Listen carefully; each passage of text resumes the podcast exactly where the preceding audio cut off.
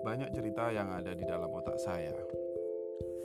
Bukan cerita sedih, bukan juga cerita romantis, apalagi cerita memotivasi. Sangat jauh sekali dari itu semua. Ini hanya cerita biasa yang semuanya asalnya dari kejadian yang pernah saya alami.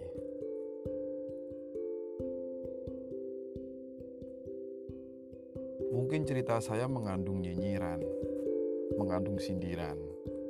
Semoga saja para pendengar tidak pernah sakit hati ketika mendengar cerita saya. Tapi kenapa ya sakit hati?